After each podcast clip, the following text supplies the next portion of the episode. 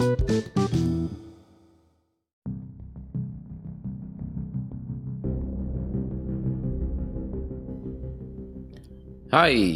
jumpa lagi dengan saya Christian Guswai. Kali ini kita dalam situasi di tengah merebaknya wabah COVID-19. Banyak retail yang bertanya kepada saya, apa yang bisa dilakukan di situasi seperti sekarang ini? Jawabannya, Anda bisa menjadi hero di saat krisis. Apa yang bisa dilakukan oleh para peritel di saat seperti sekarang, di mana masyarakat dilanda kepanikan? Peritel jangan ikut-ikutan panik.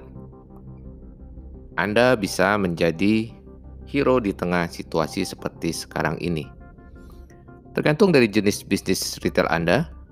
Jika Anda adalah peritel yang bergerak di dalam menyediakan kebutuhan pokok, tentu saja anda sangat bisa membantu masyarakat yang sekaligus pelanggan Anda.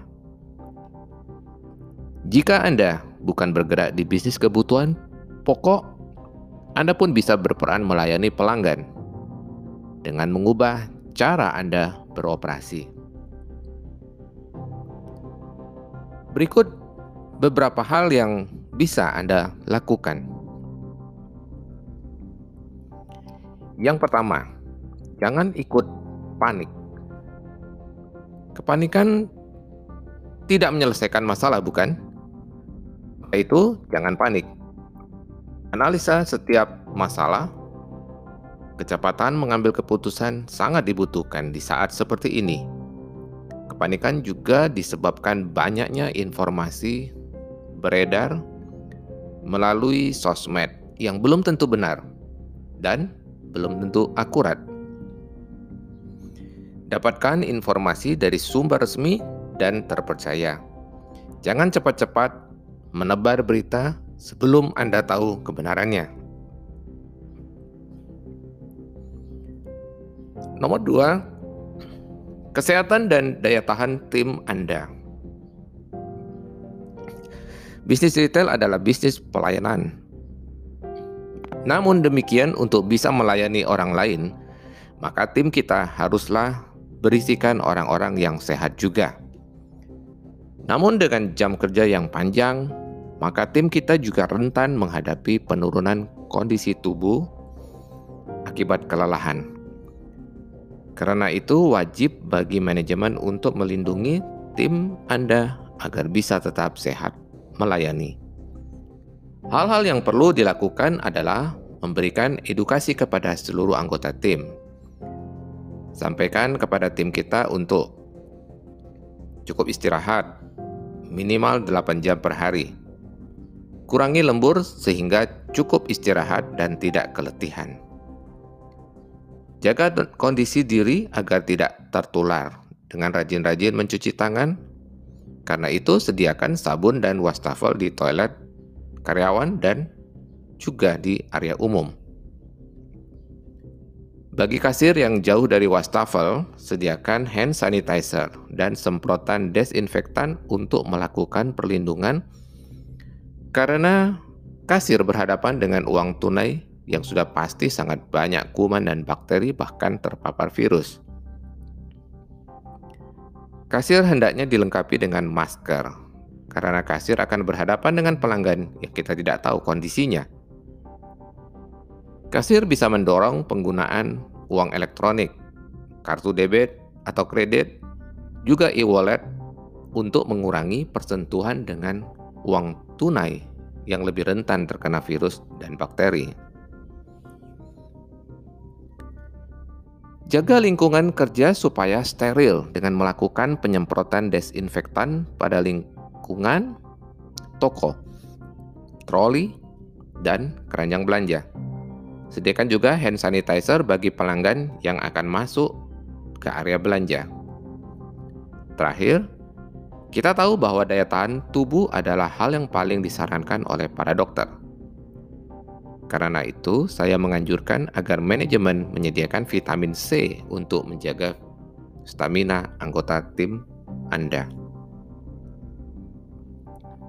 Yang ketiga, kesiapan barang bagi lebih banyak orang. Di kondisi seperti sekarang, mudah sekali terjadi kepanikan di dalam masyarakat, sehingga terjadi panik buying.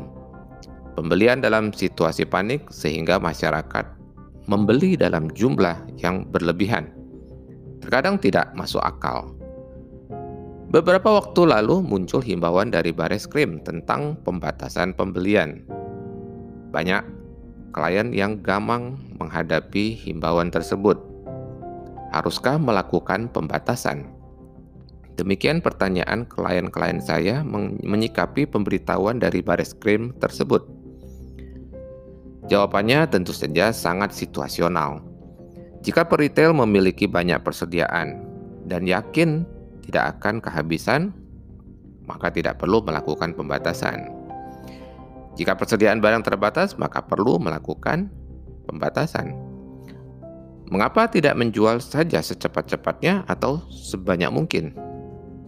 Nah, di sinilah peran Anda sebagai retail dalam melayani sebanyak-banyaknya orang, bukan hanya segelintir orang, apalagi sekelompok pedagang penimbun barang kebutuhan banyak orang yang kemudian akan menjual dengan harga yang sangat mahal ketika terjadi kelangkaan.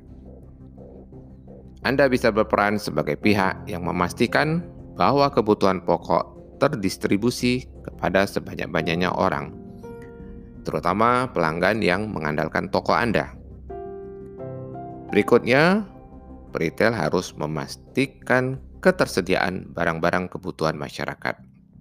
Memang tidak mudah di tengah langkanya beberapa jenis barang, namun peritel yang sungguh-sungguh mau melayani masyarakat tidak akan mudah menyerah dengan terus melakukan upaya mencari sumber barang dengan harga yang layak sehingga masyarakat bisa memenuhi kebutuhannya di toko Anda. Pemerintah pun berharap peritel tetap buka dalam situasi seperti ini.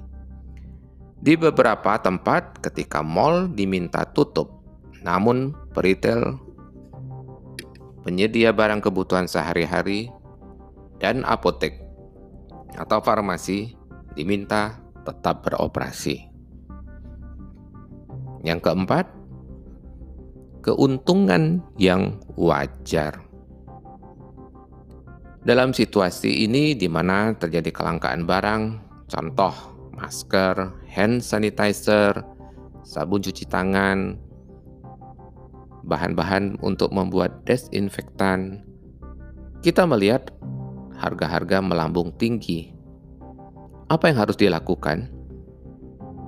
Bukankah ini kesempatan mengambil margin setinggi-tingginya? Jawabannya tentu saja tidak. Jika Anda ingin menjadi hero di saat-saat seperti ini, justru dalam situasi seperti ini, Retail harus menunjukkan kelasnya sebagai bagian dari masyarakat yang bisa diandalkan. Tidak aji mumpung dalam situasi seperti ini, melainkan menjadi pihak yang mampu menahan diri, melayani sepenuh hati dalam melayani masyarakat. Saya tahu biaya operasional membengkak. Jika Anda mengikuti uraian saya di atas, biaya operasional perusahaan akan meningkat untuk menyediakan lingkungan kerja yang aman. Biaya penyediaan masker, desinfektan, hand sanitizers, suplemen bagi karyawan.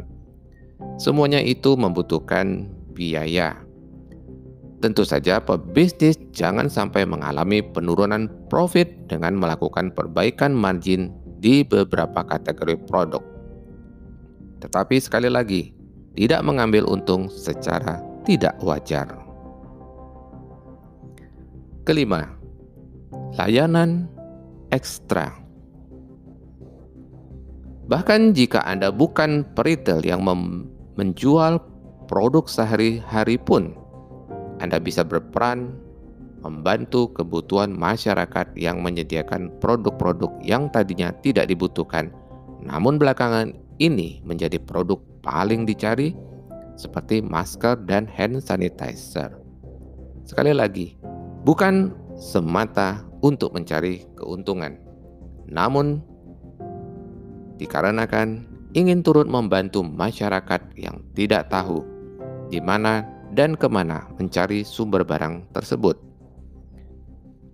Isu lockdown, self-quarantine, isolasi diri akan membuat sebagian besar pelanggan atau pengunjung berkurang. Padahal kebutuhan sehari-hari mereka tetap ada.